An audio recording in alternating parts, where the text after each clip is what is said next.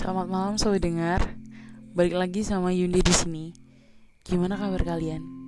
Yunda harap kalian baik-baik aja. Iya, di sini Yunda mau berbagi cerita tentang persahabatan. Kalian punya sahabat? Berapa orang? Sekonyol apa mereka?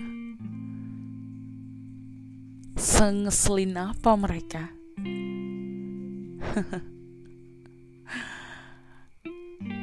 Sahabat itu menurut Yunda adalah malaikat yang dikirim Tuhan untuk menemani kita untuk juga menjaga kita ketika kita ada permasalahan. Kalau kamu punya sahabat, kamu orang beruntung.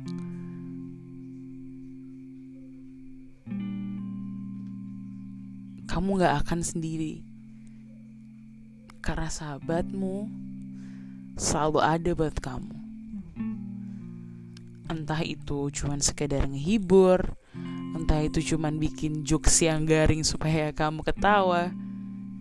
But he or she always in your side. Dia selalu berada di sisimu. Nah, kalau ada pertanyaan, aku punya sahabat kak, tapi sahabat aku tuh jahat sama aku. Dia ngecewain aku. Sama kok Yunda juga punya sahabat yang kayak gitu. Pernah punya sahabat yang seperti itu. Terus gimana? Ya Yunda maafin. Yunda nggak lost kontak sama dia. Yunda baik-baik aja sama dia. Tapi Yunda sudah tidak mempercayai apa pun ke dia. Kalau kamu pernah punya pengalaman punya sahabat yang salah atau mungkin punya sahabat yang tidak baik di dalam kehidupanmu sebenarnya bukan kamu sih yang salah pilih gitu. Tapi dia. Dia yang dia memang terlalu jahat Tapi percaya deh,